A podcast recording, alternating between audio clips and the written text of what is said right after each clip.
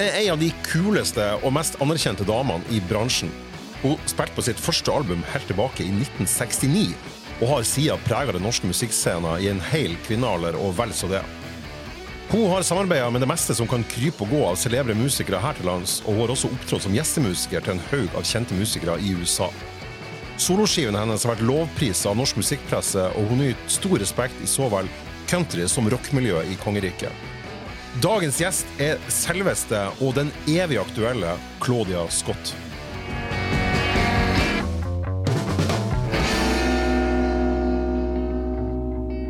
Da er det en virkelig stor ære å få ønske selveste, må jeg si, Claudia Scott velkommen som gjest. Fint å ha deg her. Tusen takk, Egon. Da jeg spurte om du kunne komme på, på denne sendinga, så det er vel noen, noen uker siden, eh, så sa du ja, jeg er kjempeglad for det, for du er en gjest jeg hadde lyst til å ha her lenge. Og så i mellomtida eh, så blir du helt sånn uh, vilt aktuell. Først så kommer du da med en EP uh, som er ute nå, kjempefin. Tusen takk. Og så er det faen meg slått fast, i kraft av forskning, at Claudia Scott eh, Claudia Scott spilte en viktig rolle i utviklinga av countryen i Norge, viser ny forskning. Så det kom jo bare rullende inn her fra, fra Høyre uten at eh, jeg tenkte noe på det. Kan du fortelle litt om det? her? Det var jo veldig stas. Jeg så du delte sjøl på Facebook. Og... Ja, altså, jeg, jeg syns det er jo kjempestas, og jeg kan jo si, jeg kan jo ikke ta æren for, hele æren for det, for vi er jo mange som har holdt på med countrymusikk i mange, mange år. Men jeg kan jo si som Barbara Madrell at jeg var country when country wasn't cool. Ja, ja, ja, For det, jo, det, har jo gått i bølgedaler, sant. Det Absolutt. har jo gått liksom Fra jeg begynte med min far i tiårsalderen, så var det jo veldig populært da. Da var det Buck Owens som var liksom uh, populært i Norge, og vi hadde jo hatt Skeeter Davis, Bobby B, Jim Reeves, så opp mot 60-tallet, sant, og slutten av 60-tallet. Mm. Og så var det jo det er nesten dagens popmusikk, altså sammen, sammen, med alt det andre som mm. var der. Um, men, uh, men så på 70-tallet, ja begynnelsen av 70-tallet var det jo greit, men sånn midten og utover, kanskje fra punken og sånn, så var det jo Fikk det jo liksom en sånn, eh, sånn liten sånn dal ja, det var litt Harry og Jo Johan, på en måte. Ja, ja, og det er jo klart at det er jo en del aktører som har kanskje gjort til at unge folk ikke har likt det. Fordi mm. det var gjerne middelaldrende menn, det hadde litt med image å gjøre. Altså alle disse tingene her. Og det vi ble eksponert for i Norge.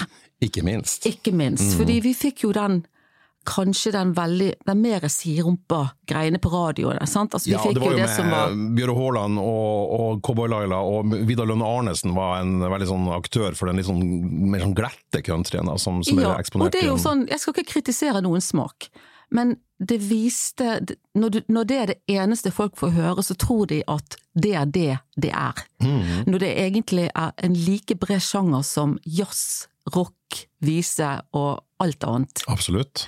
Og det var jo mange av oss som ikke kjente oss igjen der, og vi var jo egentlig frustrert hver gang vi gjorde en jobb på, si på spilte på NRK, så det, hadde de skaffet noen sånne dansere i rutete skjorter og store kjoler, og høyballer! Ja, og, vi, og knallpistoler sikkert også. Ja, altså vi var jo helt frustrert over det der, liksom. Nei! Det er jo ikke det vi prøvde å gjøre. Nei, men Det er ganske, det er ganske sprøtt. For jeg, jeg, var nylig eh, gjest i en, i en sending hos noen andre, og da snakka vi om, om, Johnny Cash. Da, for det var, det var, i september, så var det um, nøyaktig 20 år siden han døde. Ja. Og jeg er jo født i 1971, så jeg vokste opp egentlig på 80-tallet, var liksom mine tenår. Og da var altså Johnny Cash som jeg da likte, jeg ble dytta på det av broren min, det var altså ikke noe sånn kredsanking-verktøy på skolen. Altså, Johnny Cash var harry, og du fikk for det meste kjøpt på kassett på bensinstasjoner. Ja. Det var jo først liksom egentlig på ja, midten av 90-tallet, 94, da den American Recordings-greia med Rick Rubin kom, at han fikk yes. en sånn ny vår. Men selv Johnny Cash, eh, som alle i dag på en måte er enige om at det er kult, var ganske ukult på, på, på 80-tallet. Og der kom altså den unge Claudia Scott inn og var med og kicka liv i det igjen på et vis. da. Altså vi, eh, altså Jeg hadde jo overhodet ikke tenkt å være med, altså fortsette i musikkbransjen. Jeg hadde jo spilt i alle år, eh, fra barndom og ungdom og til jeg var ferdig med gymnaset. Og så hadde jeg lyst til å studere, dro til Oslo for å gjøre det, og fortsette med studier. Og så ble jeg spurt Som, som sykepleierstudier, ikke det? Nei, jeg lyst, ja, jeg var ferdig med sykepleier, men så hadde jeg lyst til å prøve å komme inn på medisin. Oh, ja. Som ikke kan bare gjøre sånn, jeg måtte gjøre opp igjen fysikk, matte og tysk. Mm. Så jeg gikk på Bjørknes og prøvde å Altså, jeg var akkurat begynt på Bjørknes når jeg ble spurt om å være med med Otter og Casino. Og du vet at hvis du skal prøve å komme inn på et så vanskelig studium, så må du virkelig pugge. Ja, da må du gå all in, ja. Ja, du mm. kan liksom ikke være i studio og dra litt på turné og så sant. Nei, så jeg måtte jo ta et valg om jeg skulle fortsette med dette her, eller om jeg skulle bare fortsette, eller prøve meg på musikken. Og jeg, jeg syns det var jo så gøy. Altså, jeg først Jeg trodde først at det skulle bare være en sånn helgejobb. Men når jeg først kom i gang med det, så syntes jeg det var så gøy at det, det var litt sånn yes. At det, det traff hjertet ditt så hardt ja, det, at du ville altså, fortsette? Det er klart, man, man slutter ikke med musikk. og, og, så tenkte jeg ja, men jeg har jo en utdannelse som, en, som, jeg er veldig glad for i dag at jeg ikke gjorde mer ut av, for å si det sånn, at jeg har den mm. grunnutdanningen, sykepleierutdanningen. For den har jeg på en måte kunnet komme inn og ut av gjennom årene. Ja, ja, har, har, har, du, har du jobba som sykepleier i, i, perioder, da, eller? Altså, egentlig veldig sjeldent, men i, i, perioder. Så har jeg liksom, når jeg kjøpt meg ny leilighet og gjort sånne ting, så ja. har jeg eh, jobbet som sykepleier. Og jeg hadde vært veldig lykkelig å jobbe, med å jobbe som sykepleier, for jeg liker å jobbe med mennesker. Um, men jeg må jo si at musikken tar litt over der, dessverre. Men det er jo egentlig det, altså, det er jo ikke uvanlig at, eh, at musikere jobber i helsevesenet heller, og det jo, kommer jo av den enkle grunn at um, at man får seg jobb. Det er behov for sykepleiere overalt. Ja, ja. Jeg er gift med en sykepleier sjøl, og oh, ja, syns det er så sinnssykt stilig liksom, at, eh, at, du er sykepleierutdannet i bunnen. Da. Ja, men eh, jeg, er så, jeg, er så, glad for det selv. Jeg er takknemlig for at jeg tok den utdannelsen. Ja, så bra. Eh, jeg tok et sånt søk i, um, i, noe som heter Retriever, altså et sånn mediearkivsøk. Jeg prøvde å se når du første gang var nevnt i, i norsk media. Da. Oh, og det var en artikkel i Aftenposten av uh, Tor Markussen i 1983. Det kan godt hende at du er nevnt mange ganger for den tid. I Bergen. I, ja, I Bergen, sikkert. Ja, ja. Men her var da i, i rikspressen, og da står det, uh, da står det at um, altså saken var at country fikk en renessanse i Norge i 1983. Og da står det liksom, og da er det ikke bare den søtladende Bjøro Haaland-typen også røffere outlaw country ble stuerent i rockkretser. Og det er mye takket være Casino Steels innsats og hans korstog for anerkjennelse av countryen. Eh, og så blir da du og han og Ottar Bighan nevnt da i, i, samme, i samme åndedrag. Og så er det da nøyaktig 40 år etterpå, så kan du skrive på Facebook Endelig har country roose americana blitt en akseptert sjanger på lik linje med andre. Ja, altså det er jo Er ikke det morsomt? Nøyaktig 40 år? Ja, ja, det hjelper meg. Ja, det er jo mm. det er litt morsomt. Men, det, men da ser man hvor lang tid altså, det tar å endre holdninger. Mm. Og det har jo med generasjoner å gjøre. For plutselig nå, den generasjonen som ikke likte den litt harde rockecountryen, de er jo ute av bildet. Sant? Og, og, og, og nye har kommet til som ikke husker nesten hvordan det var på radio den tiden der, for vi hadde jo kun en kanal. sånn, ja. Så det var jo ikke så mye Det jo, både, ikke store valg. Både radio og TV, det var jo den ene, den ene Det var én kanal, mm. og vi som bodde i Bergen og så i nord, sant? vi hadde jo kun én. Eh, de i Oslo hadde jo gjerne Sverige, svensk, ja, så da kunne de få litt andre innflytelser. Men vi fikk jo det. I Bergen var vi heldigvis heldige som fikk BBC. Så jeg hørte jo bare oh, ja, på Radio One. BBC der, ja. ja, ja vi ah, hørte kun på BBC. Heldige deg. Ja, sånn, sånt hadde vi ikke i nord. Nei, men det, det, skal jeg si deg, det var virkelig deilig for musikk. Det vil jeg tro, ja. Du er jo britisk. Ja, halvt britisk. Ja. Eller sånn, jeg har britisk pass. Ja, ikke sant? Men nå er jeg blitt nordmann òg. Har du blitt nordmann òg? Gratulerer, så fint at du er en av oss. Det, vi har alltid regna deg som en av oss også. Men er det, er det, engelsk du regner som ditt første språk, da? Ja, det er mitt første språk. Ja. For det var mhm. det språket jeg lærte Altså, jeg er født i Newcastle, vi bodde i London, og så snakket vi engelsk hjemme. Eh, min mor var norsk, min far britisk. Men du, du snakka da London, eller ikke sånn Newcastle-dialekt? Nei, nei, nei. For er, det er ja. nesten Skottland, det? Ja, ja, det er jo det. Nei, vi var der bare en, en kort stund. Jeg ble ja. født der, og så flyttet de til London. Ja, ok, Så du har, du har klassisk London-slang? Ja, så, og min, uh, mine søsken var også født i London. Ja. Så uh, ja, vi snakket engelsk hjemme. Jeg vet egentlig ikke hvilken aksent jeg har, sikkert en flat vanlig streit aksent, skulle jeg si, som ikke er sånn ja, For du synger jo amerikansk-engelsk, eh, ja, tenker jeg. Ja, og det, det er det som er at Eh, jeg hadde en diskusjon i går eh, med noen om det, og det, det er jo det at eh, hvis jeg skulle sunget slik som jeg snakker, så ville jeg høres ut som Julie Andrews. og det er ikke helt sånn fint innenfor den sjangeren jeg er i. Og jeg er jo vokst opp med å høre på amerikansk musikk. Ja. Og, og, hvis jeg ikke hørte på amerikansk musikk, så hørte jeg på Stones, som også sang på amerikansk. Ja. Og Elton John, som også sang på amerikansk. Ja. Det var kanskje Bowie som kun sang på en London-dialekt. Ja, han sang jo erke, erkebritisk. Ja, og jeg tenker på sånn, hvis du har en Altså, og hans musikkstil er så Den passer så godt å ha britisk, for Mm. den, den er jo britisk, den stilen hans. Absolutt. Og, og jeg tenker at um, Eller med Gary som sånn cockney. Altså, jeg kan jo ikke synge cockney. Jeg kan ikke snakke Ja, cockney engang. eh, Ja. Gary Holton, ja. ja. Ja. Skikkelig cockney. Ja, og, og, Mm. og det, det er forskjell på altså, Du må liksom være den du er, men det har aldri vært noe problem for meg. Altså, jeg kan godt høres ut som jeg kommer fra Georgia når jeg synger, men det er verre hvis du skal snakke det. Jeg snakker engelsk, jeg klarer ikke å snakke Ja, amerikansk. Nei, nei du, når, du, når du snakker om, Ja, eh, med folk sånn, over et bord og sånn, så Ja, nei, det- da er det britiske eh, Claudia som kommer frem. ja. Du har jo eh, levd noen år eh, og opplevd Altså, du er født, du er født året etter debutplata til Elvis Presley. Så du er født nesten Du, du eksisterer nesten like lenge som rock. Det er en fascinerende ting å si. Det høres jeg synes så tøft å si det. Det har jeg faktisk ikke tenkt på. Og det er 100 ment som en kompliment. Jeg synes det er så, det er så stilig. Og, men, har jo åpenbart hele tida levd da, med, med musikken som noe, noe, noe, nært, eh, og nært og viktig. Du var jo usedvanlig tidlig ute med å gå i studio òg. Litt sånn tilfeldig for at du hadde en far som holdt på med musikk. Kan du fortelle litt om tid du liksom begynte? Altså, jeg, jeg, jeg har prøvd å tenke litt sånn tilbake, hvor langt jeg kan huske tilbake når det gjelder Ja. noe som med musikk å gjøre. Mm. Og jeg husker stuen hjemme i London. Eh, Min far var veldig politisk interessert, og også interessert i, i musikk. Eh, For hans far var musiker, men det var divisjonsmusikk, altså det var militært. Altså, sånn Hvordan politisk musikk tenker du? Protestmusikk? Nei, å nei, ikke politisk musikk. Politikk og Politikk musikk. og musikk. Ok, jeg Han vokste litt mer opp i den beat-generasjonen, Ja. 50-tallet. sant? Ja, med Eh, bebop og ja, men også og rock'n'roll. Jerry Ja. Lee Lewis, Ja. Elvis. Altså sånn um, Men han var eh, mer en jazzmann, vil jeg si. Han likte rock'n'roll, men, han, men han, hjertet hans var i jazzen. Og han hadde en jazztrio i når jeg var bitte liten.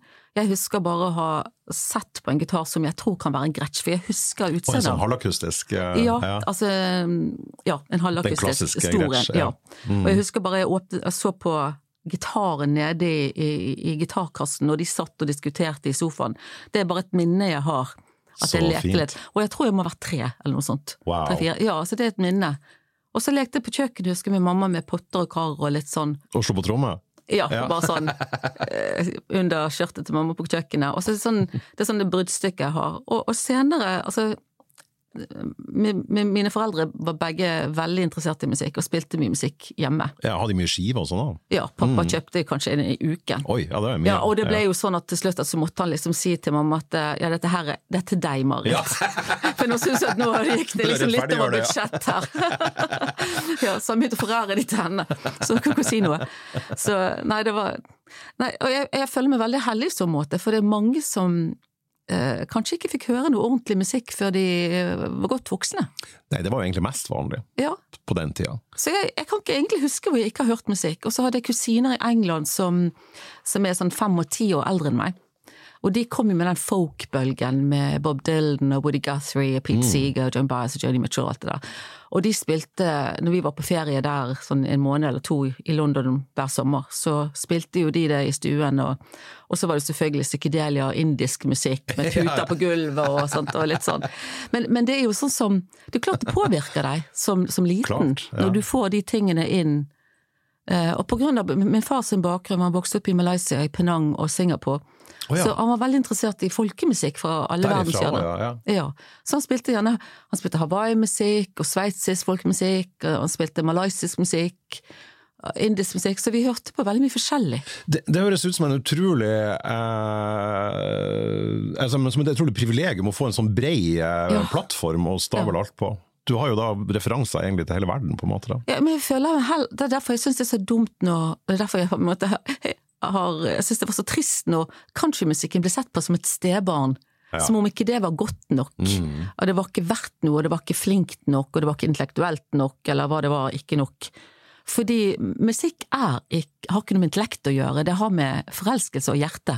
Nå skal ikke jeg legge ordene i munnen på det, du må, du må jo mene det sjøl, men altså, sånn intellektualisering av musikk har jeg egentlig alltid slitt veldig med. Eh, Det sliter jeg veldig med. Du òg, ja. Så bra. Da er vi enige der. For det er sånn, eh, jeg er veldig veldig glad i Bob Dylan, men det går nesten ikke an å snakke Bob Dylan med sånne dylanologer uten at det blir helt sånn intellektualisert. Da detter jo hele lidenskapen vekk, for meg i hvert fall. Det er helt sant. Men, men, men mange ganger jeg har sett på en tekst til, til Dylan og tenkt at hvis jeg hadde skrevet det i min tekst, så hadde jeg sikkert fått kritikk for det. Ja, ikke sant? Jo, at det er litt for enkelt. For noen ganger så velger han sånne løsninger òg, men det er jo klart at helheten hans er jo så bra. Ja, ja. Så, så det er jo på en måte, noen ganger så velger man noe lettvint fordi det skal være det. Mm. Så, så jeg tenker at um, for meg er det sånn, hva treffer deg? Og, det, og, og, da tenker jeg at ingen kan egentlig være sånn uh, forstå seg på, eller sånn om på noe som helst. Hvis du forelsker deg i, i det, så forelsker du deg i det. Om det er danseband, eller om det er hva det er, eller om det er Tsjajkovskij. Altså, det har ingenting å si. Nei. Hva ville du hatt med deg på den øde øyen? Sant? Altså, Ikke sant? Ja. Hva er det som får hjertet ditt til å banke? Men hjertet ditt har jo åpenbart banka veldig, eh, veldig tidlig. Du, du nevnte de, her, eh, de søskenbarna dine som, som spilte i folktingene. John Bass og John Ja. Mitchell, Dylan Seeger, Cat Stevens, Woody Guthrie, Ja, alt det her. Men, men du var jo uh, ganske tidlig kasta inn i det her, også på, altså på innspillingsfronten. Altså den, vi skal komme tilbake til solokarrieren din, men du, når jeg gikk inn i, i det her fantastiske universet, det er Discogs, der man kan søke på alt av Ja, ja. utgivelser og sånn, der, der er mye å surre.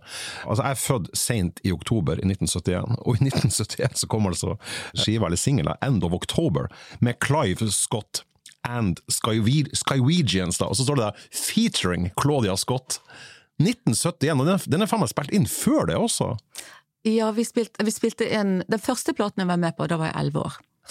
Og, og fordi vi var hver sommer i England, Ja. um, og så var det jo veldig kort vei fra Bergen med båt, uh, Leder, Venus, Jupiter, var disse båtene som gikk liksom sånn skytteltrafikk nærmest, sånn Ja. 18 timers tur, jeg tror det var, fra Bergen til um, Newcastle, og så kunne du ta toget nedover til- London. Mm. Så det var jo enkelt for pappa og bandet å reise over og, og turnere der. Ja, like greit som å dra nordover eller dra til Østlandet.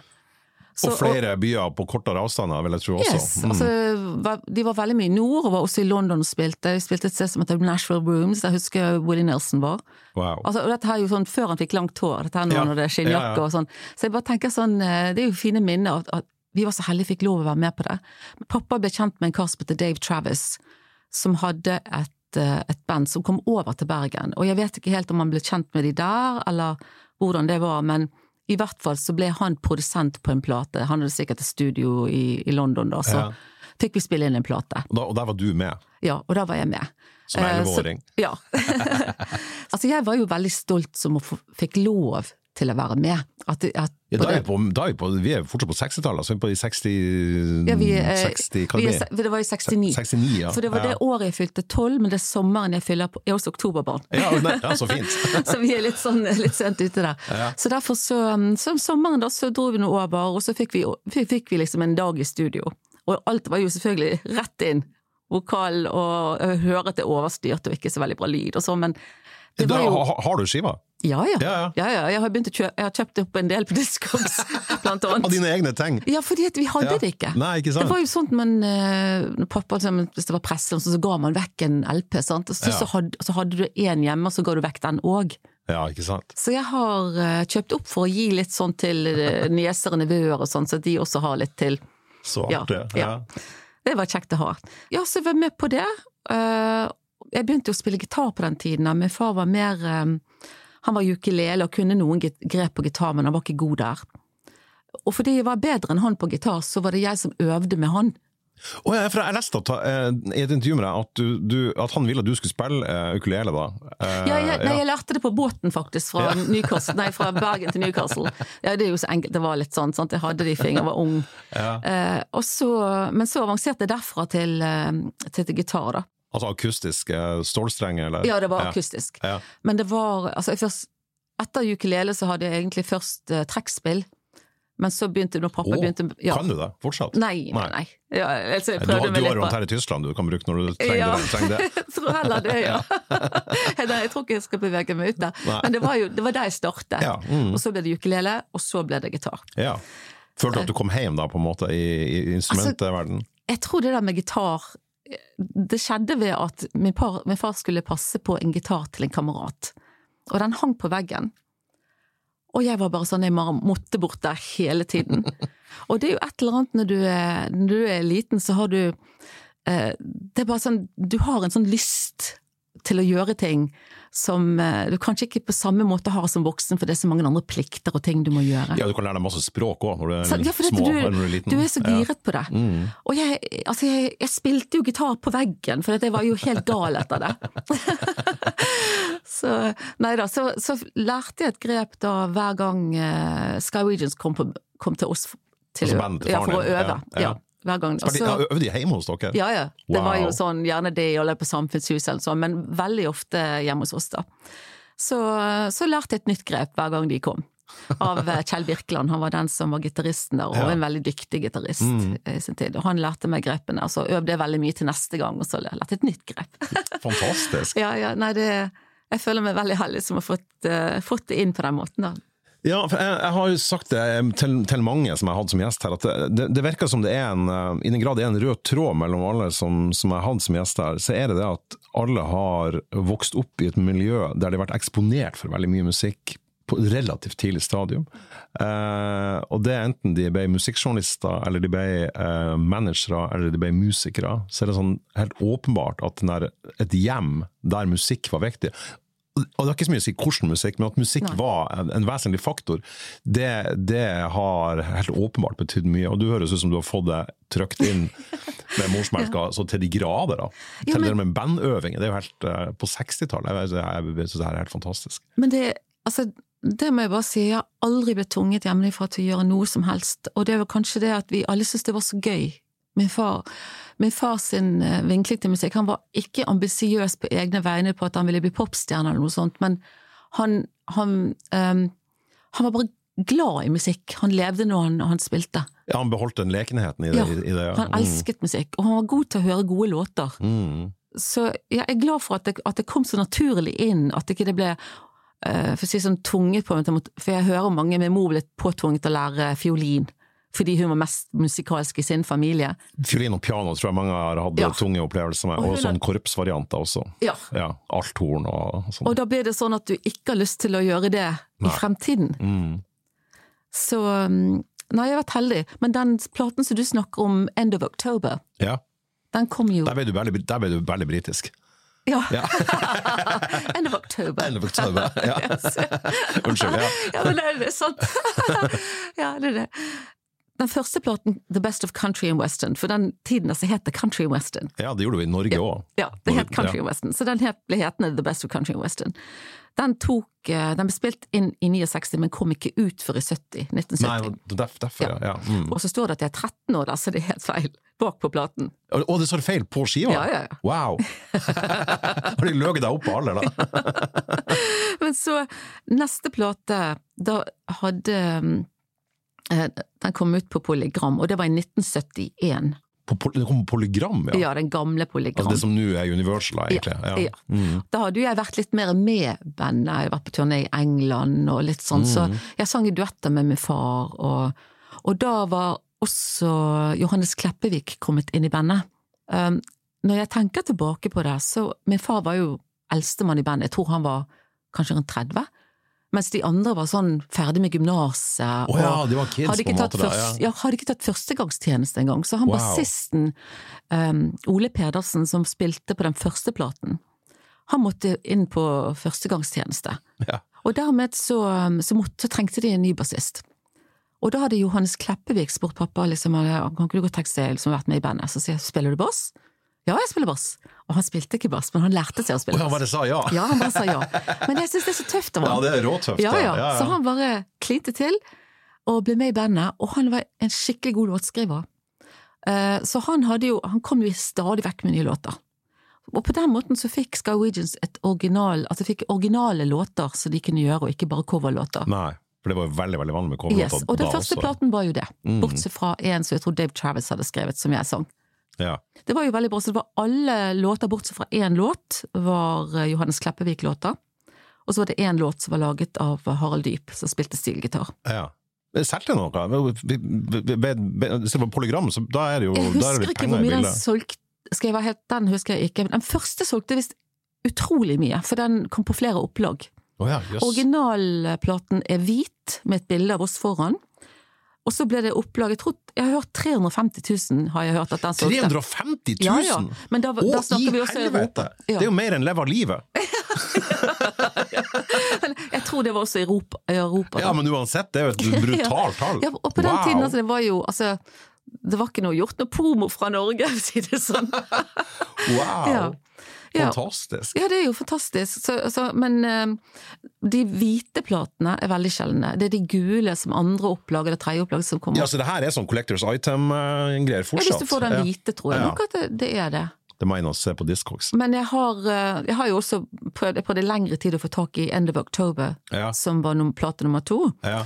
Uh, og da måtte jeg også inn på Discogs og søke og skrive at den her ser jeg etter, fordi Ja, du drar det på sånn want-list? Ja, ja, på want list. Ja. Og jeg husker på 90-tallet, så husker jeg Hans Petter Baarli. Han fortalte meg at eh, Petter Baarli. ja, Ja, folk- Petter. ja. Petter, Petter unnskyld. Baarli, Backstreet Ja, jeg kjenner Jeg, jeg sier alltid HP, for jeg kjenner fra gamle dager. Så sier han at Ja, Claudia, jeg har sett han på, på Ringkjøp! Så jeg står opp liksom for, for å rekke det, og da var han solgt når jeg kom! På Ringstrøm antikvariat? Ja, Rings, Ja, ikke ja. Ringkjøp, Ringstrøm. Ja, ja, Yes, yes, antikvariat. Eh, Han hadde sett han der, da. Så ja. Sprang for å kjøpe din egen plate? Ja, ja, jeg sprang for å kjøpe min egen plate. Men greien var det at eh, Så gikk det mange år, så tenkte jeg ga jeg noe opp på det. Men så kom jo internett, Ja, og det gjør jo livet enklere. absolutt. Så jeg har jo hatt venner som har sagt at 'jeg har sett den der, du kan få kjøpe den der', og Ja, liksom så ja, ja, ja. Det er veldig veldig lettvint og veldig veldig kult, samtidig som det tar bort litt av den her eh, infantile gleden med å finne ting når man blar i det etter det. Men det er, ja, jeg har hatt noen sånne jukserunder der også. Komplettert høl og sånne ting som jeg ikke finner noen andre plasser. Det er jo, altså du kan jo si det er et enormt, altså et fantastisk verktøy. Og for unge folk, jeg tenker på i dag, altså den kunnskapen de har om ting. Ja, ja. Vi som har levd i tiden, har jo levd ved å spille platene, snu det, huske A- og B-siden, og hva som kommer etter hverandre, produsenter og musikere. Altså vi har alle detaljene. Mens nå forbruker vi med liksom Ja. Jeg gjør det selv. Ja, ja, ja. Jeg er også blitt veldig prega av det. Ja, det er jo sånn uh, don't bore us, get to the chorus. Sant? At det er bare sånn klikk, klikk. Men jeg syns det var litt kjedelig. I, I går så fikk jeg sånn her melding fra Altså, vi skriver jo i dag, det her er 30. november når vi sitter her og snakker. Så fikk jeg sånn her Det her er det du har hørt mest på på Spotify i fjor. Uh, og da fikk jeg sånn hvordan låter, hvordan sjangre, hvor mange minutter, alt det der. Men for første gang så hadde de fjerna hvilket album jeg hadde hørt mest på. Og det Oh. syns jeg var jævla nedtur.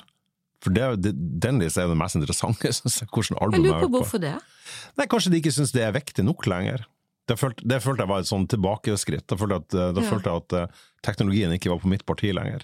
Nei, Da nå heller. altså noe som jeg syns er litt sånn dumt med Spotify, det er jo at de, de algoritmene som de bruker, de stemmer ikke alltid overens med virkeligheten. Nei. For det, det stemmer, altså for eksempel når man ser hvem som hører på min musikk, for eksempel, så stemmer ikke det nødvendigvis sjangermessig.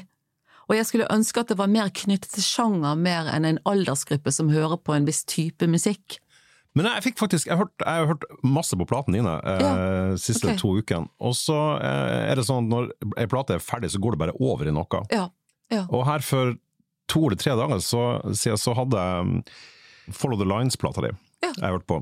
Og når den var ferdig, så gikk den rett over i Shotgun Down the Avalanche av Sean Colvin. Det syns jeg, ganske- ja. jeg var bra treff. ja, det var jo Uh... En jævlig bra låt. Så det var sånn, Ja, ja. her, her har Spotify tenkt litt. eh, Ja, det var jo litt uvanlig. så det var litt kult. Jeg ble litt glad. Ja. Så det, av og til så, så treffer, treff de algoritmene. Men klart, det er jo algoritmer, det er jo ikke, det er jo ikke mennesker. Det Nei, det er jo ikke det. Så det er jo ikke helt det samme. Eh, Når jeg sa til deg i stad, Claudia, at, at det første treffet jeg fant på deg, i hvert fall i rikspressen, var, var i 1983, så er jo det en grunn til det. 1983 var jo et, et år der du, der du, der du kommer med, med plate med eh, en som faktisk er fra mine hjemtrakter, Ottar Biggen Johansen. Han er fra Sulitjelma, som ligger i Fauske kommune, der jeg er fra. Eh, og han og å si noe stil, og, og du kommer ut med den, med den første eh, plata som, som trio. Og, og dere var jo veldig produktive i en veldig kort tid, og jeg husker at dere var jo på TV hele tida, og, og eh, alle visste hvem dere var. Det, det ble det som på en måte egentlig kickstarta de musikkarriere igjen, da, i, i 1982 må det ha vært. 82-83. Ja, det var jo 1983, og det var, det var jo på en måte starten på min profesjonelle Ja. karriere. Og jeg tror det at eh, Jeg syns det var så gøy å, å komme tilbake igjen til musikken. Og Det var jo Altså, vi holdt jo på i to og et halvt år, egentlig, bare. Ja, og tre skiver Og tre på rappen, altså, det- liksom. det var- det- det gikk veldig, veldig eh, fort. Og vi turnerte hele tiden. Altså det var ja, det var det litt sånn blitskrig nærmest. Altså det var sånn, vi hadde klippekort på NRK, og så var hele tiden på TV i en eller annen form. stop. Ja. Ja. Så, så det er jo klart at eh, eh, Og ble liksom sånn Jeg følte litt sånn kjendis på en måte over natten. Uh, personlig akkurat der syns jeg det var litt mye fokus på person og ikke på på musikk, og spesielt for, sånn, for kvinne, kvinnelige artister den tiden der, så var det jo veldig sånn Det var fokus på utseendet veldig, sant, og, Ja. og den gangen så spilte ikke jeg gitar, fordi vi var så mange gitarister på scenen. Otta spilte, og vi hadde oh, ja, men du hadde jo spilt gitar, altså du, had- oh, ja, jeg kunne du, spille du gitar. kunne spille gitar, men Ja, ja. lot du være? Jeg bare lot være, for ja. det var så mange. Jeg tenkte Herregud, hvor dumt. Ja. Ja. Jo, men altså, jeg bare tenker på at um, Jeg merket jo allerede da, fordi når man ble kjent, hvordan um, Jeg vet ikke om jeg skal forklare dette her uten at det virker teit, men det er, jo, det er jo et eller annet med at folk på en måte tror at en ung jente, hvis du har langt hår og det ser sånn ut som du gjør, så, så er det litt sånn Og, og spiller country i tillegg, Mm. sant? At det, er noen ting som eh, Det er nesten som eh, Det var veldig mye fokus på utseendet, Mm. og egentlig ikke på hva jeg gjorde. Følte du at, at du på en måte ble betrakta på en annen måte enn han Ottar og han Casino Steel? At de slapp unna med det på en annen måte enn deg, siden du var Altså, dame? Altså, jeg vil jo, altså, jeg fikk jo mye ros og alt det, det, er ikke det, men jeg, men jeg eh, For jeg tenkte på sånn, jeg ville jo Altså, jeg ble kastet inn i, i trioen, men jeg Mm. visste ikke helt hva jeg ville gjøre etterpå, når, jeg skulle, når det var slutt med trioen. Nei, ikke sant? Så jeg ville på en måte ta litt sånn, så ble jeg spurt om å være med på en del prosjekt. ja, for at du var jo med på det der eh, CCP. Ja, CCCP var egentlig et prosjekt som um, Casino og Gary Holton, altså Casino Steele og Gary Holton skulle gjøre sammen med Ellen Foley og Carlene Carter. Dattera til Johnny Cash. Ja. Ja. Så døde Gary. Han døde mens vi var i studio og holdt på med siste platen med trioen. Oh yeah. Ja, så han døde da, han. Ja, han døde. Ja. Vi fikk liksom telefon mens, var, mens vi var i studio. Um, og det var vel i 85. Mm. Og så, um, så gikk jo tiden, og så var Ellen Foley plutselig ute av bildet. Carleen var fortsatt med. Mm. Men så trengte de si, Så trengte de en ny dame, da, da, da ble jeg spurt. Ja. Og så var det en kar som heter John Payne, som senere ble med i et band som heter Asia. Mm. Han ble med da istedenfor Gary. Ja. Det var han, ok, Så det var, det var Gary Holton som egentlig skulle være der, da? Ja, det skulle nettopp, liksom ja. være- Det visste jeg ikke. Jeg tror planen, altså sånn, eller prosjektet var liksom at dette skulle være en litt sånn rockete utgave av ABBA, på et vis, hvis du forstår. To kvinner og to menn. Jeg hørte på liksom. skiva i går. Den er, den er, det, man hører hvordan tiår den er spilt inn Ja, for, å si det, for, å si, for å si det på den måten. Og veldig mye, veldig mye hårspray og, og Ja, ja. ja, det, det, Ja, ja, Men veldig, veldig morsomt nå i sånn i ettertid. Men det, var, det husker jeg òg, og det der, det der ble jo, var det masse om i media. Det var mye oppmerksomhet rundt den plata der i, i sin tid. Ja, det var jo en, en kampanje De var jo også med på en kampanje, Let's Spend the Night Together. De var med på en sånn Trygg Trafikk-kampanje. Å ja, på, sånn, på kassett eller noe sånt, eller? Eh, nei, det var en video som gikk på TV. Oh, Altså, jeg tror det var på dette vært så mye ulykker eller noe sånt, men i hvert fall så du var var det med en i video. statspropagandaen, liksom? Ja, ja. ja Bokstavelig Ja, for det var jo bare én kanal. Ja, så- ja, det var jo det. Men Den ene, gangen, den ene gangen det var mulig å høre, å høre rockrelatert musikk på NRK og på TV. Ja. Men det var mye som skjedde det året. Jeg var med liksom på Grand Prix, og altså, så han gjorde en duett med Tyskland. Altså, det var sånn rundt den samme tiden, da, 86. Ja! Ja. Du, det, det må vi jo snakke om! Grand Prix, det var så bra at du minnet meg på det. Nei, det var ikke for å minne deg på, men, men det er bare sånn at jeg ser jo for meg hva Jo, men det. Claudia! Sånn. Men det er jo helt fantastisk. Eh, Grand Prix, det hadde, å herregud, så bra, det, for det hadde jeg glemt av. Eh, låten heter, hvis jeg husker rett, Rock and Roll Band. Oh yes. Ja. Og det er altså, det er altså Claudia Scott, backa av Stage Dolls pluss Ronny Løe Tekerø. Yes. Og det Og Bård Svendsen. Ja, ja. Og det Ronny Trekkøy er jo veldig Ronny Lutekra, eh, og Stagehorse er veldig Stagehorse. Og du er jo også veldig deg, men det er jo en utrolig sprø eh, kombo. Men, men det som er viktig å si der, er jo at på denne tida, altså på 80-tallet, så var Grand Prix eh, mye mindre sånn eh, skadelig i anførselstegn å, å være med på. Altså Bjørn Eidsvåg var med, Åge Aleksandersen var med, Kari. Bremnes var med. Alle, alle var med, på en måte. Altså, du, var ikke, du var ikke vesentlig hvis ikke du hadde vært med i Grand Prix, omtrent. Og det året der så var Mia Gundersen med, Jan Hoel var med, Steinar Albrigtsen var med. Altså, Ikke sant, ja. ja det var nettopp. liksom um, altså, Alle sånn Ja. veldig mange som vi kjenner, var med det året der. Ja, ja, ja, og du spiller da en sånn slags sånn det er jo en slags sånn 80-talls uh, uh, soft-heavy eh, med deg i front. da. Du kommer svinsende inn der i, i skjørtet og sånn. Det er sånn, det er utrolig morsomt å se i, i ettertid, for det, det, det, er så langt unna det jeg forbinder med deg nå, da. Ja, ja, men det var jo en artig greie. Mm. Og jeg trodde, planen var jo at vi skulle gjøre noe som var veldig lite typisk Grand Prix. For den tiden der så var det jo sånn Céline Dion og sånn type damer som ja. vant Grand Prix. De store stemmene i lange kjoler. Ja. og vi tenkte liksom her må det, vi liksom eh, Nå må vi ta en litt annen Nå viste Claudia fingeren her i studio, så må dere si det til lytterne. Fuck you! Ja, og litt sånn, jo, men det skulle være liksom litt noe helt annet. Altså, vi, vi tenkte enten så vinner vi, eller så er vi helt på bunn. Altså, det er jo litt sånn, sant? enten så liker folk det eller ikke. Og det var noen som likte det, og noen som ikke likte det. Men, uh, ja. ja, og så var det jo forbudt å synge på engelsk på en tid her ja. også, det, det, men låten heter Rock and Roll Band. Ja, og så var det i og så sier jeg New York. Jeg kan ikke si New York. Sant? And og Berlin. Så, så, det var jo litt sånn Fisket litt. ja, fantastisk. Um, det var veldig gøy. ja, det, det, ser ut som dere har det veldig gøy også. Ja, ja, vi hadde det. Og um, Ronny knuste gitaren sin etterpå. Da satt folk på De satt sånn, de var helt skrekkslagne på første benk. Men eh, han knuste gitaren sin. Du, du, du, eh, du, gjemte gitaren din. For det, jeg, jeg, forbinder deg i dag, så forbinder jeg jo deg. Hvis jeg ser deg for meg på scenen, så ser jeg for meg deg med en gitar. Altså, du, du, er jo, ja. du, er jo, du er jo en dyktig gitarist og har spilt gitar helt siden du liksom konverterte fra ukulele på, på, på slutten av 60-, tidlig 70-tall. Men, men, men, men, det her med å være dame og synge og spille gitar Nå høres det ut som jeg er 90 og, og, og, og du er enda eldre, eldre, eldre enn meg, men det var virkelig ikke vanlig på den tida. Altså. Nei, jeg tror hvis du spilte viser, ja. så kunne du spille Det ble mer kumbaya. Ja, ikke sant, ja. Men ikke elgitar. Og ikke Altså ikke sånn i bandsammenheng var det veldig få gitarister. Altså, mm. jeg, jeg, digget jo Suzy Quatro. Når ja, hun kom med 48 Crash og sånn, og hun var skikkelig tøff i skinndress og, og, bare liksom Ikke noe unnskyldning her, hun var rett på. Og Joan Jett og alle sånn. Det var jo liksom de eneste Chrissy Hine også. Chrissy Hine, selvfølgelig. Hun var 80-tallet. Ja.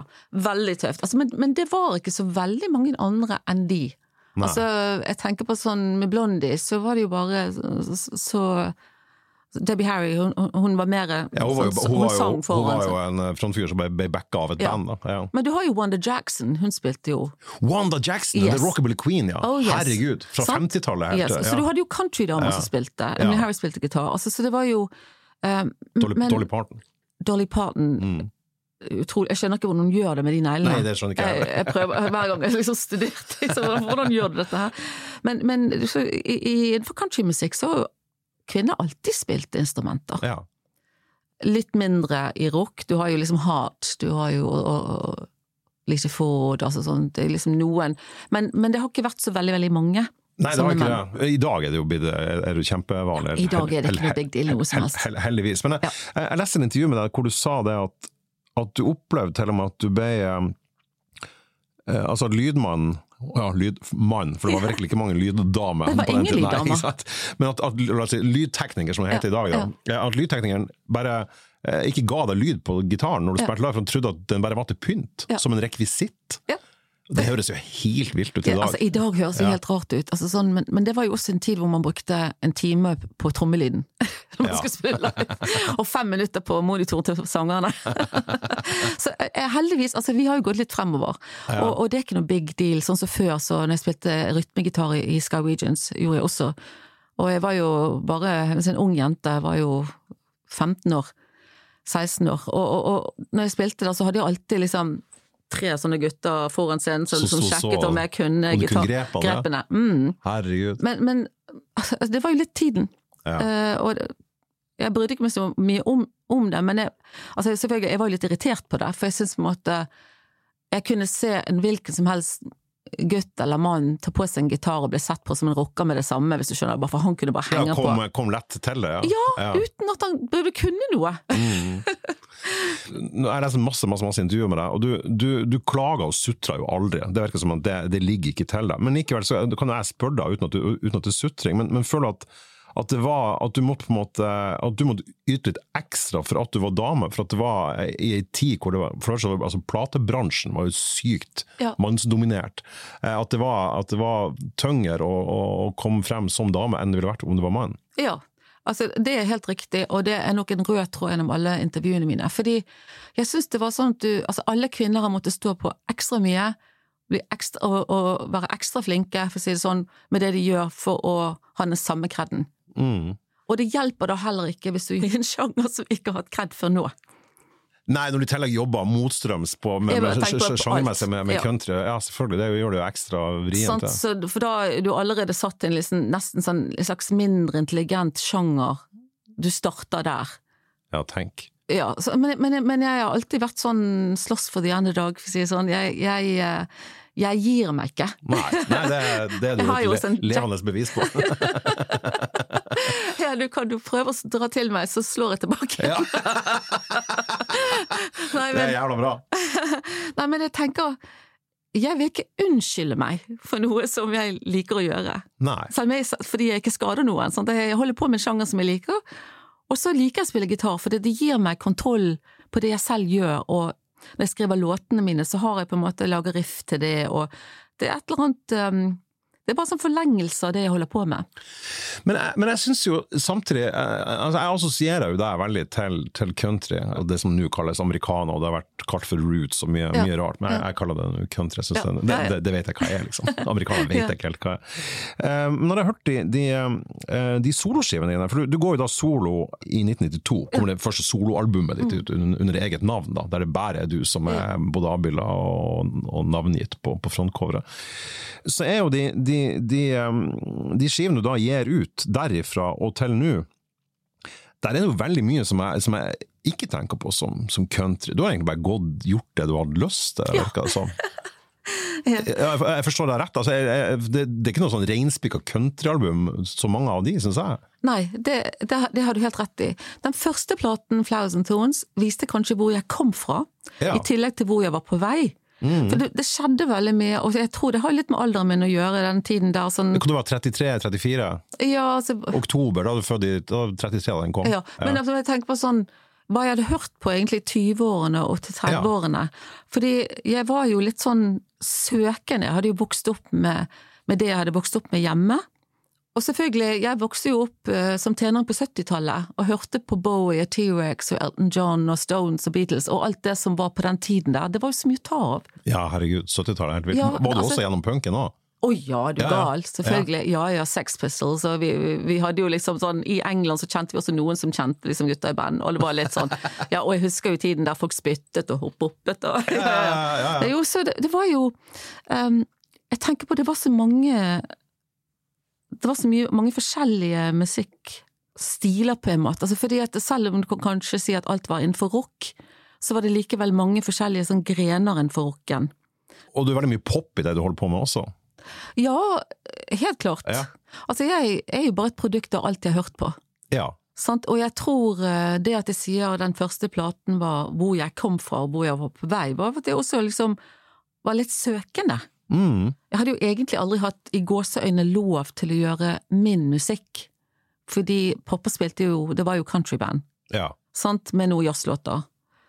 Og, og, med trioen med Ottar og Casino, så var jo det et countryrockband. Ja, veldig sånn definert. Sant, så det var jo definert. Ottar med cowboyhatt. Ja. ja. Mens jeg egentlig var på søken hvor jeg hørte hjemme. Egentlig, mm. hva, hva, gjorde jeg best, og hva hadde jeg lyst til, og hadde jeg lyst til å, å teste litt ting. Så platene som kom i etter Flowers and Thorns, altså Emmanuel's Secret og Soul and Soul, det var jo liksom, kaller jeg med litt eksperimentelle periode. Det var litt mer sånn atmosfæriske Ja, du sa i et eller annet intervju, eh, da, i hvert fall da den Emmanuel's Secret-plata kom, at, ja. at, her kom du til å overraske mange over hvor altså uh, mange vil nok ikke gjette på at det var der hvis ikke de visste det. Et eller annet sånt, sa du. Ja. Og jeg tenker på responsen på den platen var jo også sånn Jeg har hørt mange si at det er deres favorittplate og bla, bla, men mens, mens igjen, mens kritikerne tror jeg ikke skjønte at neimen, Claudia Scott Nei, var jo hun som, de altså, limte sånn, fast til Will the circle ja. be unbroken to dette? Det. Ikke sant, ja. ja men, det, men, det, er jo jævla ironisk. For at, altså, da, du, du, er jo en, det vi på godt norsk kaller for en, en, en late bloomer, da, som, som, ja. som soloartist. Du er 33, du er i midten av 30-årene eh, når, når, du går solo. Eh, og det er jo relativt seint mot hva som er normalt. Dagny var vel 30 da hun debuterte, men da hadde hun gitt ut noen singler først og sånn. Du hadde gitt masse plater, men som soloartist var du en late bloomer. Ja. Og så, eh, I mellomtida så har jo den, den countryen fått, fått, et visst sånn oppsving i Norge. Mm. Ikke minst godt hjulpet av musikkavisa Beat, mm. som skrev, skrev, veldig mye om liksom, Tom Russell og, og, Johnny Cash og Lee Clayton, alle de her kule tingene. Ja. Emily Harris og alt det. Så når du da endelig går solo, og begynner å gjøre litt andre ting, som ikke er reinspikka eh, country, så, så, blir det liksom brukt mot deg igjen. Det, det er jo veldig ironisk, da. Men det er, vel, det er vel litt sånn tiden hvor vi alle er, altså den tiden vi lever i, sant, og hvor alle er i det øyeblikket. Ja. Sånn, så vi reagerer på de tingene sånn. Men egentlig så Nei, men du skal jo ikke gjøre det. Men jeg tenker sånn for meg Jeg er nødt til å Altså, jeg, jeg er ikke på den samme øh, eksperimentelle reisen nå lenger. Nei, det var naturlig, tenker jeg. Men, ja. For jeg tenker sånn, det er hvor du er der og da. Mm. Og, men jeg må bare følge hjertet mitt når det gjelder musikk. Og akkurat da så fulgte jeg det og ville teste det, hvordan kunne det låte. Og jeg hadde um, Jeg hadde liksom uh, lyst til å bare gjøre noe helt annerledes. Men så, etter de platene, så kom jeg litt sånn tilbake til utgangspunktet ja. igjen. For da følte jeg mm. sånn, ok, og ser jo også det at uh, Jeg tror det publikummet som jeg hadde, de kunne ikke skjønne at det var meg.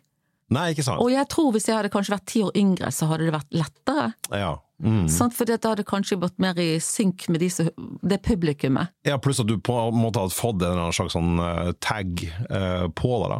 Ja. At du, hvor, du, hvor, de mente at du hørte hjemme, ikke hvor du sjøl mente du hørte hjemme. Nettopp. Ja. sant. Og det, og, altså, det nytter ikke nesten å Altså, jeg har jo i veldig, veldig mange år prøvde å forklare folk var at det ikke det er ikke helt Will the Circle fra 1983. For folk, altså radio spiller jo kun gammelt stoff, så ingen vet jo hva du har gjort i mellomtiden. Nei, ikke sant? Det er, jo, det, er, det er ganske deprimerende. Ja, eller det er frustrerende i hvert ja. fall. Det er jo eh, For jeg tenker på sånn Jeg syns NRK er jo en statskanal som burde spille all norsk musikk, uansett alder. Og det gjør de ikke. Og jeg, og jeg, tror også spillelister er en uting. Altså formatering? Ja, ja. ja. formatering er en uting. Fordi du um, Det er vi hjertens enig. Ja, fordi altså, jeg husker altså, når jeg vokste opp da, som tenåring på 70-tallet, den gangen så var Billboard-listen, da fikk du liksom det var jo alt mulig på den listen. Ja, ja, ja. Altså Det var sånn kreti og pleti. Alt fra Frank Sinatra omtrent til Stones. På én og samme liste. Og, og mye mellom. Og det synes jeg er helt herlig. Mm. Da får du liksom høre all musikk. Å ja, ok, så kanskje ikke du liker det, men så Å jo, det var interessant. Ja, formatering er jo, det er jo så kjedelig, først og fremst. Det, det tar jo mye av drepen på, ja, på ja, ikke minst mangfoldet, som du sier her. Ja, og, det, og jeg tenker på sånn platebransjen, altså sånn, selv om de sikkert tjener mer enn noen de noensinne har gjort av strømming, så er det som å drepe musikk, syns jeg. Fordi at eh, hør på låtene på radio, alt låter jo likt de pressa gjennom samme filtre, på en ja, måte. Jeg, syns, jeg syns det. Mm. Men det kan jo også være mine ører som ikke er uh, si 25 lenger, som Altså, det som skrev til dette, liksom, det er sjelden jeg blir forelsket nå. Ja. Det er noe jeg kan høre som Jeg syns faktisk det, det, kan være en del tøffe rockeband. Mm. Og punkband. Har, har du noen eksempler på noe punk du hører på nå for tida? Um, vet du hva, jeg er helt elendig på på navn, men Men du hører også på altså, Jeg er enig, jeg syns det er masse masse bra hard, altså, hard, ja, hard musikk. Det er det. Jeg, er ikke, jeg, er ikke, sånn på growling, det er Nei, ikke min greie. Ikke, ikke heller. jeg skjønner ikke hvor de begynner verset og, og refrenget, for å si det sånn. Nei, jeg liker at de synger ja, Jeg liker en slags ja, melodi, mm. um, men, men, jeg syns det er masse tøffe rockeband i Norge. Min søster uh, Trudy hun forer meg ofte med nye band fra 5071 fra Loddefjord. Oh, som er altså som alle, altså alle som kommer ut derfra, eh, vi har bodd der i noen få år, og Marit og Trudy eh, har jobbet som, som lærer da på Sandgotna skole, hvor det er veldig mange av elevene hennes har vært musikere blitt musikere. Ja. Så hun går og hører på disse nye bandene. Og, og ting til meg. Hun sendte meg litt i dag, faktisk. Ja, du, Så du får med deg? Du følger med? Ja, ja. Liksom, og det er sånn, jeg er ikke så god på navn, som sagt, men, men, eh, men jeg hører jo på hva de, hva de gjør, og jeg syns det, det, er veldig mange tøffe ting mm. som kommer derfra. Mm. Og det er jo litt sånn um, jeg skal si Når det gjelder rock, rock og punk, så må du du må være litt den typen for å ha det rått, for at det skal bli rått. Mm. Sex Pistols hadde aldri kommet fra et middelklassehjem, for å si det sånn. Nei, men det hadde ikke gått, nei, nei. hvis du skjønner. Nei, det er jo Altså, de ga ut ei plate, og det er jo kanskje Vi har vært innom den plata mange ganger i denne podkasten, og det er, jo, det er jo et sånn det var, og det var til og med sånn kommersielt skrudd sammen band, men ja. det er altså så genuint sinne på den plata at ja. du tror på hvert et ord. Ja. ja, ja, Og det er mange gode låter. Masse gode låter, altså, jo... og, kule gitarer og kule vokalister. Det er pur energi, og det er jo det punk er. Det skal være pur energi. Mm. Det skal ikke være slapt. um, du gir ut de her tre platene på 90-tallet, uh, og den siste, den Soul on Soul, den er jo spilt inn i New Orleans, er den ikke det? Ja. Mm og samme året, hvis jeg husker rett, så, så, så, bestemmer du deg for å flytte til USA. Ja. Altså 1999. Ja. Hva var det som satte i gang den uh, tanken? For det er jo egentlig en, i Norge en litt vill ting å gjøre. Ja, å flytte til USA, liksom. Og det var jo andre gang jeg gjorde det, da. Så jeg har jo på en måte jeg tror jeg kommer fra en familie som er vant til å reise, altså folk reiser mm. mye i familien og bodd flere steder. Så vi, det er liksom, ja så flytta jeg til USA, så jeg liker ikke flytte tilbake igjen. Men, men, årsaken til at jeg flyttet, var jo at det var, det var slutt mellom meg og, og, mannen min, så måtte bare Ja, en slags ja. sånn breakup ja, i et større perspektiv. Ja, ja, så jeg tenkte sånn, må du gjøre noe annet. Og da dro du til Nashville? Ja, jeg hadde tenkt egentlig å dra til Paris og lyst til å lære fransk. Oh, ja. Men så hun venninnen min som bodde der, hun flyttet tilbake til Canada. Så, så det ble ikke av. Så tenkte jeg ok, Nashville. Ja. Låtskriving og For det er, det er jo en, nesten en klisjé. Eller det, er en, det, er jo en, klisjé å dra til Nashville. Um, men her er jo Nashville i 1999, eh, der Nashville fortsatt har mye, mye mer av den klassiske Nashville-ånden, vil jeg tro, enn en, en i dag. Helt så klart. du hadde jo på en måte flaks med flaks i uflaksen at du, at du, dro dit da? Jeg hadde vært i Nashville både på 80-tallet og tidlig 90-tallet. Mm. Og sett endringene. Det gikk fra liksom one horse town egentlig til liksom litt flere ting, så de begynte til og med å servere tofu liksom, og vegetarmat. og ja, Litt mer moderne. Vegetarmat, ja, i, ja, i Nashville. I Nashville ja, sant, Sørstatene. Ja. Men nå har jo, jeg var jo der nå i, um, i fjor. Og det Jeg må jo si at Nashville har blitt litt sånn Nash-Vegas. For nå har de ja, det har mm. blitt sånn, nå drar folk dit på utdrikningslag, og, de har, og det er så mye kraner, nå bygger de opp. Altså, for det, det er um, IT-bransjen har flyttet dit, og en del andre sånne og Har de kommet dit òg, ja? Ikke bare Austin de har nei. Eh, invadert? Nei. Så det, det, er jo klart at når sånne ting skjer i en by, så, så endrer strukturen seg. Ja. Og, og, og, tidligere var det jo sånn når jeg flyttet der, så var det jo Altså om du var enslig, så bodde du i et hus alle bodde i hus, ingen bodde i leilighet. Å oh ja, herregud, i 1999? Ja ja, selv om, wow. var, selv om du bodde i et lite hus, så bodde du i et hus ja. med hage. Ja. Mens nå har du jo masse leiligheter og høye hus. Og altså, dyrt, sikkert. Og ja, blitt veldig dyrt. Mm. Og, og, det som vennene mine sier, klarer du ikke kjenne det igjen. Og de vennene mine som bodde i byen, har nå flyttet ut av byen. Ja, det er klassisk det. For det har blitt en sånn um, litt sånn turistmaskin. Altså, ja. Hvis du går ned downtown som tidligere, husker vi var der med, med trioen eller med Otter og Casino på 80-tallet. Vi spilte på Fanfe, som var en, sånn, en stor sånn fan... Eh, jeg, si, eh, jeg lurer på ikke det er en uke de har det, men i hvert fall ganske mange dager hvor, de, hvor fansene kan snakke med, med sine artister, og du, det er store konserter, flere tusen mennesker og i det hele tatt veldig artig. Men den gangen så var jo downtown et område som du ikke måtte være i etter mørkets frembrudd. Da, Nei, da, bare... da, var det skummelt der. Altså, det var mørkt, det var trist, det var ingenting som skjedde. Du hadde liksom uh, Du hadde Tootsies og, så, og altså, noen små klubber der, altså, sånn, og Ryman er jo der, men det var ingen som var der sånn etter mørkets frembrudd. Mens nå er jo det Altså, nå har du jo etasjer med band som spiller bare ljomende musikk ut, ja. i, ut i gaten, og det er jo slitsomt, egentlig, ja. syns jeg. men, men når, når, du da drar dit, er det, er det med en intensjon om å, om å bare gå sånn all in på musikken, da? Eh, for du endte jo opp med å spille med ganske kule musikere, altså veldig velrenommerte, kjente, ja, altså, eller anerkjente amerikanske musikere. Jeg kjente um, Fats Kaplan.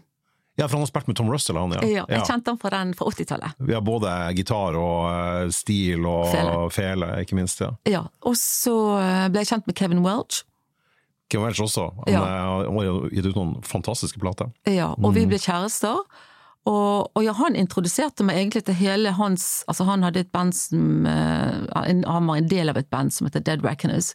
som egentlig var flere soloartister som gikk sammen i et plateselskap. Ja, Dead Reckoning, ja. Ja. ja.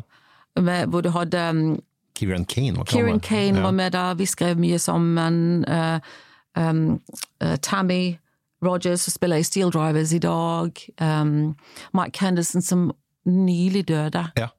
Uh, han gikk for å legge seg, og så våknet han ikke. Ja, og David Olney har du, var du Ja, ja David Olney var naboen, han bodde huset Ja, han døde jo for to år siden. Ja, han døde på scenen, han kan jeg? Jo.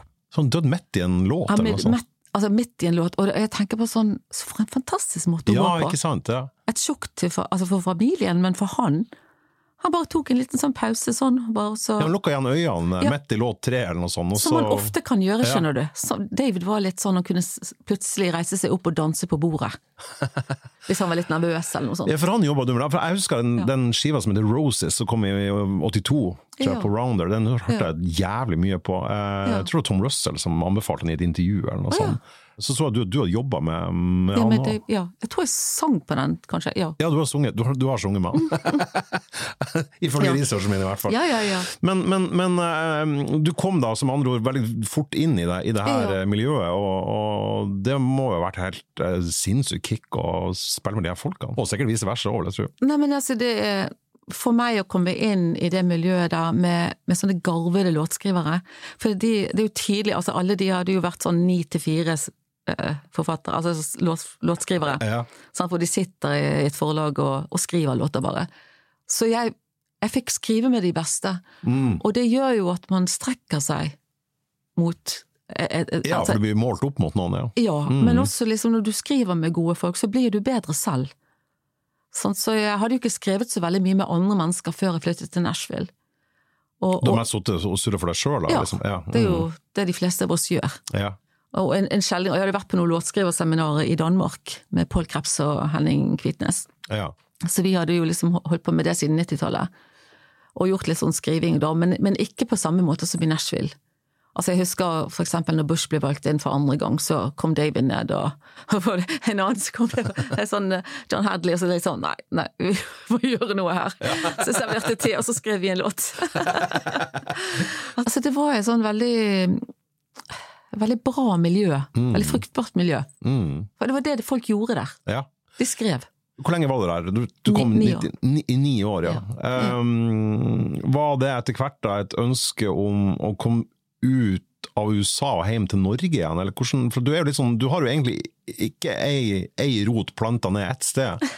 Eh, Du er jo litt sånn uh, født langs kysten, ikke sant, og har vært mye med båt til Newcastle og vært i USA flere ganger. Altså, hvordan, hva var det som gjorde at du ville hjem igjen, da? Vel, det, det var jo også private grunner, for å si Ja, det sånn. Så ja. det, det, skilte, det var så Ja. naturlig.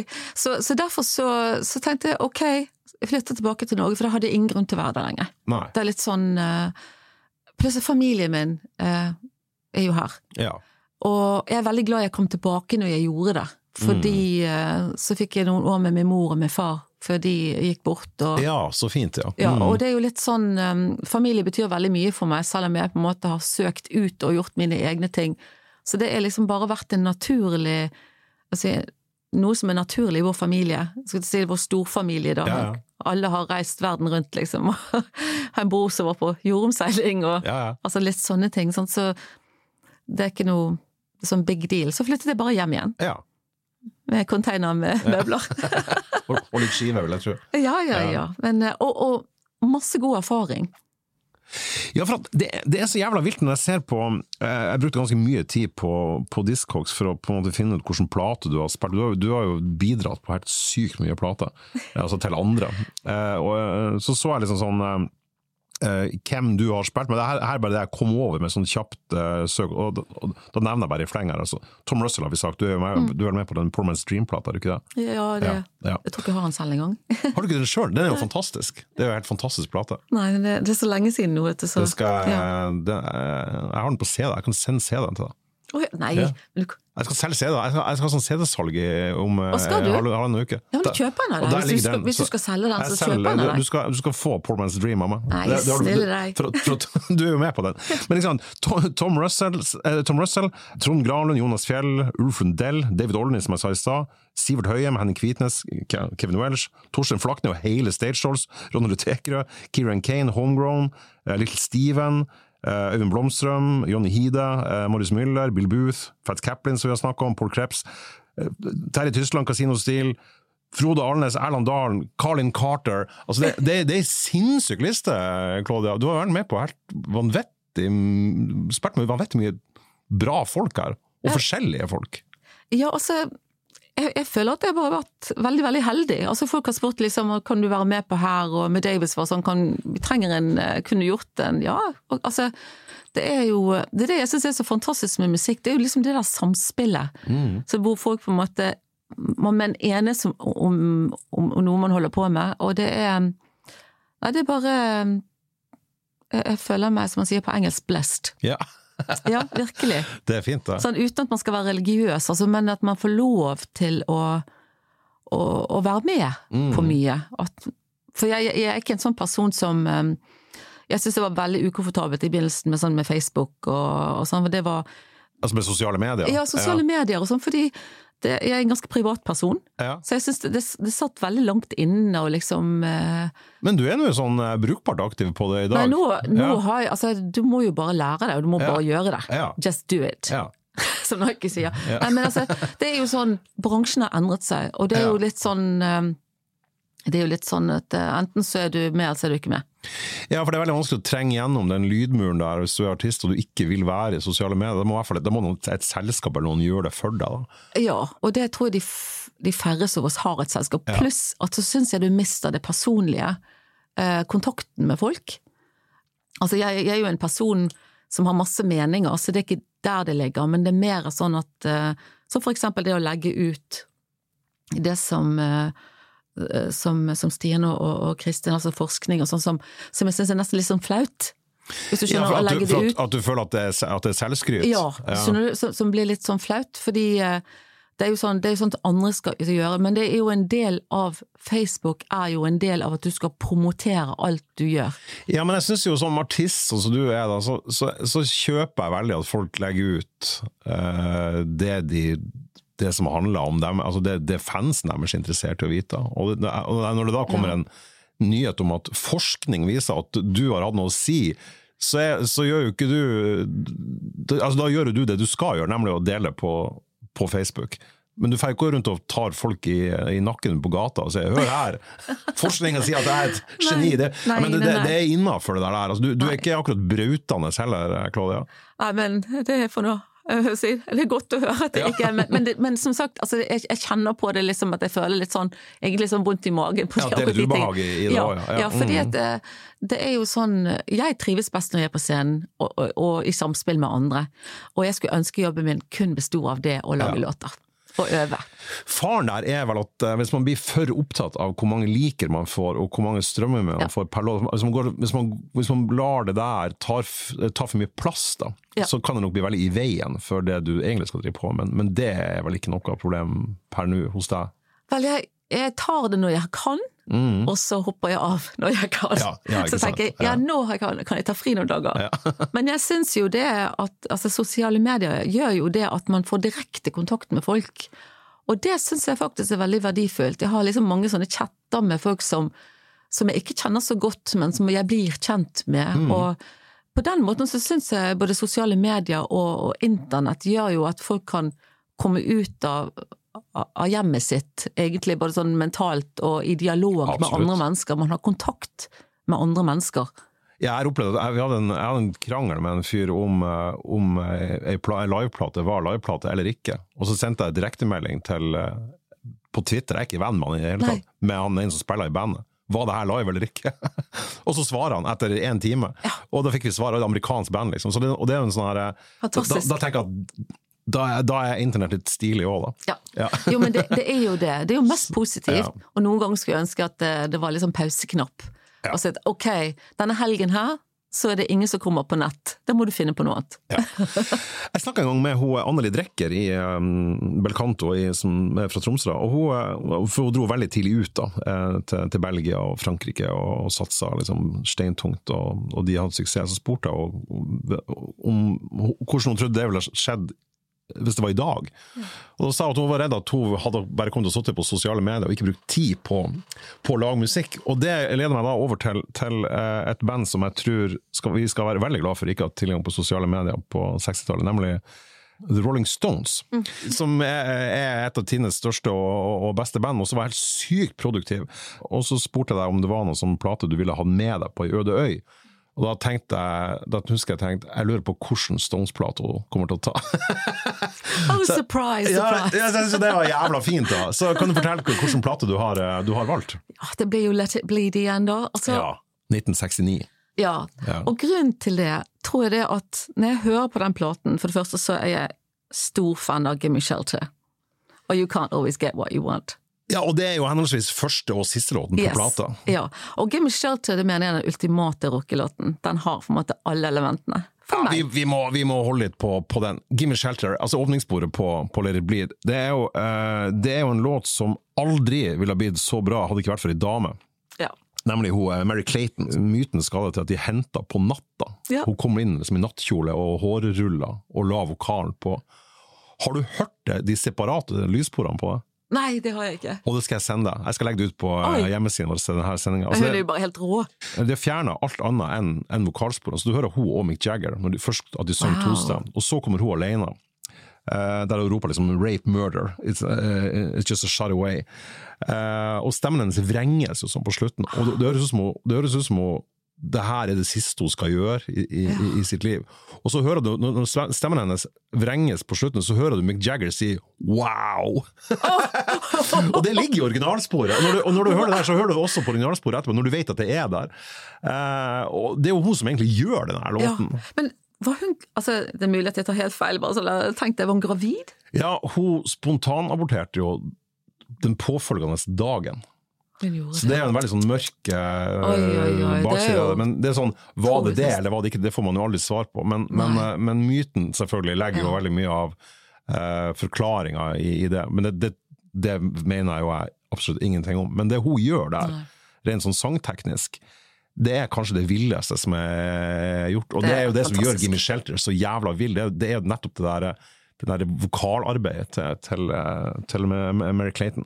Og så er jo låten så den er jo så sexy og så hard og myk soul samtidig. Ja, alt på en gang. Den har alle elementene. Mm. Det er liksom sånn Det er akkurat som den smiger seg inn altså inn i årene dine, nærmest. Det er nesten sånn, sånn intravenøst, syns jeg. Altså, det var fantastisk. Helt. Og så er jo den skiva her er jo eh, altså, Den er jo inne i en ganske sånn bra skal vi si, bra, bra fase. Beggars Banketta kommet ut året ja. før, og så selvfølgelig på etterpå med, med Sticky Fingers og, og Excel on Main Street. Så de var jo liksom et band relativt, uh, i relativt god steam her, da. ja, og jeg tenker på sånn, alle de platene er jo fantastiske plater. Alle. Ja, ja. Så jeg, jeg, tror at um, det er noen av låtene som gjorde at jeg valgte Let It Bleed.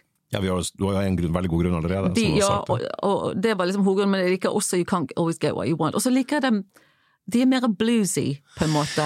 Ja, for de er ganske leken her også, ja. på, på Let It Bleed. De gjør jo også en, en ren, sånn veldig fiolinbasert countryversjon av Honky Tonk Women, ja. som, ja. som, heter vel eh, Country Honk, country honk ja, som òg er jævla kul, syns jeg. da. Veldig veldig annerledes enn den, den, den, vi kjenner.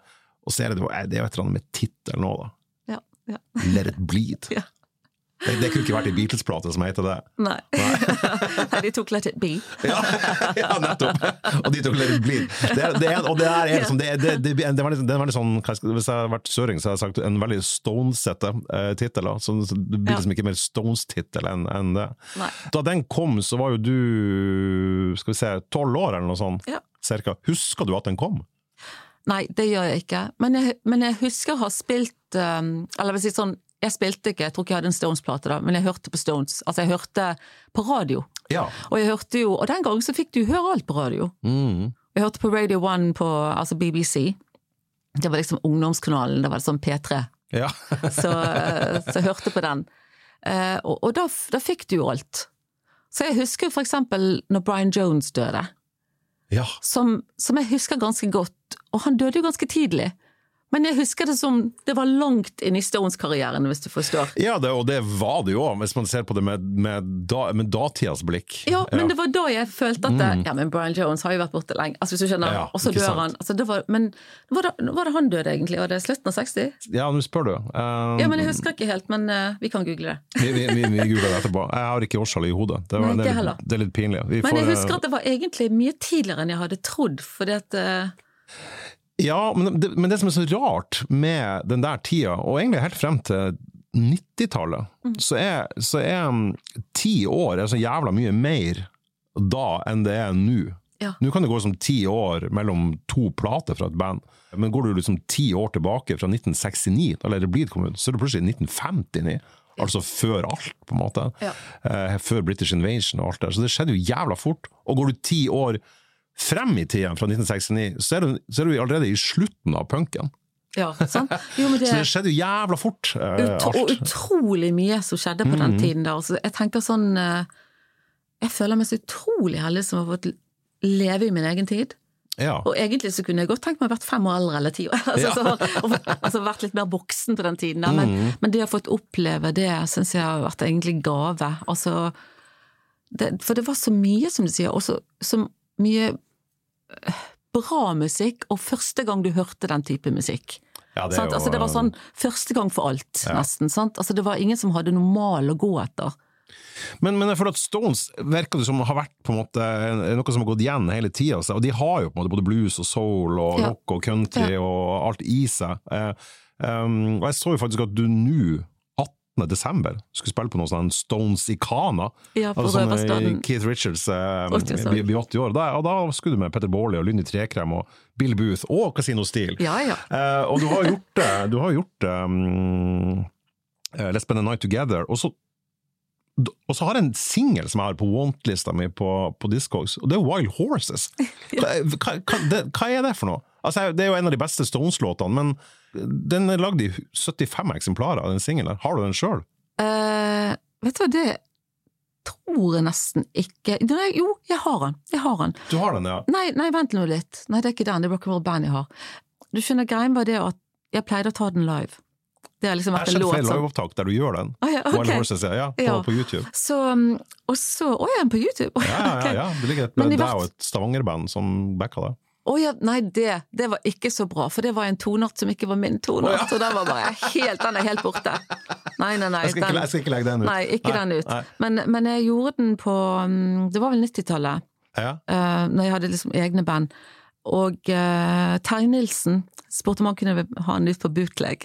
Ja, ja, ja, så, så han, det er en bootleg kun. Ah, så, ja, ja, nettopp, på en singel. Gjør du den akustisk, da? Det husker jeg ikke om vi gjorde en akustisk eller med band. Det husker 75 jeg ikke. eksemplarer er mareritt. Det, det, det, er ingen som vil selge den. Den har aldri vært solgt på Discogs heller, så jeg, nei, jeg aner ikke hva den er verdt. Det er sikkert verdt helt uh, irriterende mye også. Ja, ja. Men, Men derfor, du, du, ja. min poeng er at, at, Stones har alltid vært der. da. Det har vært ditt hjerte nært hele veien, og, de, og, du skal faktisk gjøre Stones om et par uker òg, uh, live. Så det, de har på en måte vært der, en slags sånn en slags sånn trygg havn å seile inn i hele tida. Så jeg har, um, altså fra gymnastiden spesielt, tror jeg, som, som fra da Jeg husker vi var bare to i klassen som likte Stones. Og det er jo fordi at jeg tror når man er mye yngre, så er de kanskje litt for um, uh, Altså, de er mer bluesy enn en Beatles. Sant? Beatles er mer poppete og har liksom nydelige melodier, så jeg tror det er lettere å feste seg til unge sin enn enn en, en Stones. Men pappa spilte mye blues hjemme òg, ja, mm. så, så jeg, jeg, vet ikke hva det er som har gjort det, men i hvert fall Spilte han den, den, den, eh, den, svarte bluesen, altså sånn, ja, ja, ja Muddy ja. Waters og Harlan Wolff og uh, Nei, egentlig ikke det.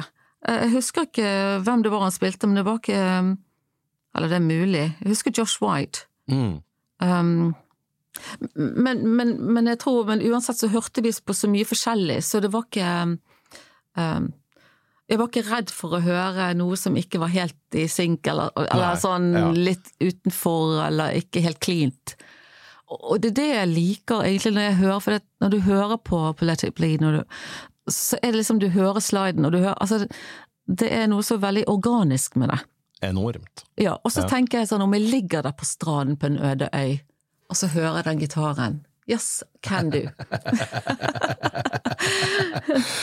og det er, et, det, er et, um, ja, det er et album uh, det er vanskelig å bli, bli, bli ferdig med også. Den er, den er, um, den er den, ja, For meg så skiller den seg litt, sånn, litt, ut. Som regel er det jo Excel Main Street og, og Sticky Finger, Stick Finger som, som, folk også det. Men jeg er veldig glad du tok Let It Bleed. Kjekt, da. ja, og så intervjuet jeg deg faktisk på, i avisa for noen år siden. Det er ganske mange år siden, seks år siden. Ja. Og da snakka vi også om det litt blid, Ja. Så det, det, er bra at noen, noen ting, noen ting er, er, ved det vante. Helt sånn avslutningsvis her, så, så, så, så syns jeg jo det er veldig stas at, at vi nå endelig har fått slått fast via eh, Oslo OsloMet og, og eh, Høgskolen på Innlandet at Claudia Scott er veldig viktig ifølge forskning. Eh, og du har, eh, og du har eh, spilt med omtrent det som er av, av musikere i Norge. Sånn. Men når du da skal se tilbake på, på karrieren din, med alle soloplatene dine og med alt det du har gjort med alle andre, og, og sånne, sitter du igjen med noe som du er ekstra glad for at du har gjort, og er det noe du kunne tenkt deg å gjort om igjen? Hvis du skulle liksom se tilbake på din egen karriere, som er det er 50 år med musikk du har spilt. Det er enormt fascinerende mengde. Altså, jeg føler meg bare, og det mener jeg virkelig, jeg føler meg veldig veldig heldig som har et publikum å spille for. Mm. Og jeg kommer aldri til å gi meg musikk så lenge, så lenge jeg har noen som vil høre på meg. Og, og, musikk, det er jo på en måte Det er livet mitt. Det er jo det, er jo det som gjør at jeg er nysgjerrig, at jeg vil holde på, og det er det som gjør at, at jeg blir forelsket. Og altså det, det, er så mye å lære, og det er enda mer å lære, for å si det sånn. Eh, man er aldri utlært i, i musikk. Um, hvis jeg skulle ha valgt noe annerledes, så kanskje Og, og det er ikke sikkert jeg hadde hatt har tord å gjøre det, for dette hjemme var det sånn få en utdannelse, få en utdannelse, så det er ikke sikkert jeg hadde tord å gjøre det. Men hvis jeg skulle ha liksom sett tilbake, så tenker jeg kanskje om jeg hadde dratt til California på 70-tallet, altså når jeg var ferdig gymnaset. Ja. Fordi det å kunne jobbe med de beste folkene. Jeg har jo bodd her i fire år selv, så jeg vet jo liksom det er ikke så vanskelig å komme inn i miljøet, fordi det er så små miljø. Ja, selv i store byer, ja. Ja, ja. fordi at uh, alle som tilhører en viss sånn enten sjanger eller går på de samme klubbene og hører, og det, det er sånn som jeg var i Oslo, tenk på når jeg på 80-tallet, når alle gikk på Sardins gamle klubbsjø. Ja. Sånn, så alle møttes jo der. Ja. Det var liksom, uh, om du holdt, uansett musikksjanger, så, uh, så hang folk der. Og det er jo litt mm. sånn Eh, sånn som så det var i musikkmiljøet også i LA på 80-tallet. Alle gikk på de samme klubbene, du, du traff de samme folkene igjen og igjen.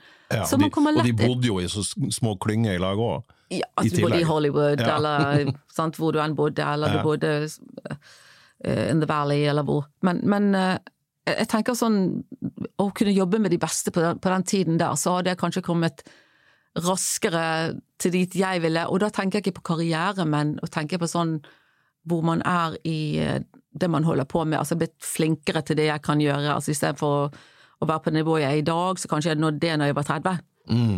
For det for å kunne jobbe med gode folk, ja. og, og, jobbe intenst. Men jeg tenker at alt man er med på, er med på å forme deg i et liv.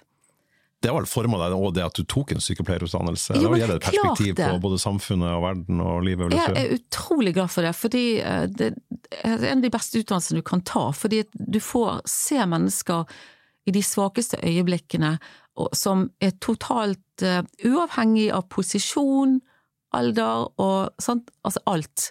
Blir, er du syk, så er du syk, og det er sånn ja, da, da du, og det å møte det tidlig i alder, at du er heldig som har god helse, det er, tror jeg er veldig verdifullt. Mm. Jeg tenker det er en uh, veldig fin avrunding, for det tror jeg også et perspektiv du har dratt med deg inn i musikken òg. Veldig veldig fint å ha deg som gjest, eh, Claudia. Lykke til videre, og eh, måtte du aldri slutte med musikk. Å, tusen takk, Egon. Det har vært kjekt å være her.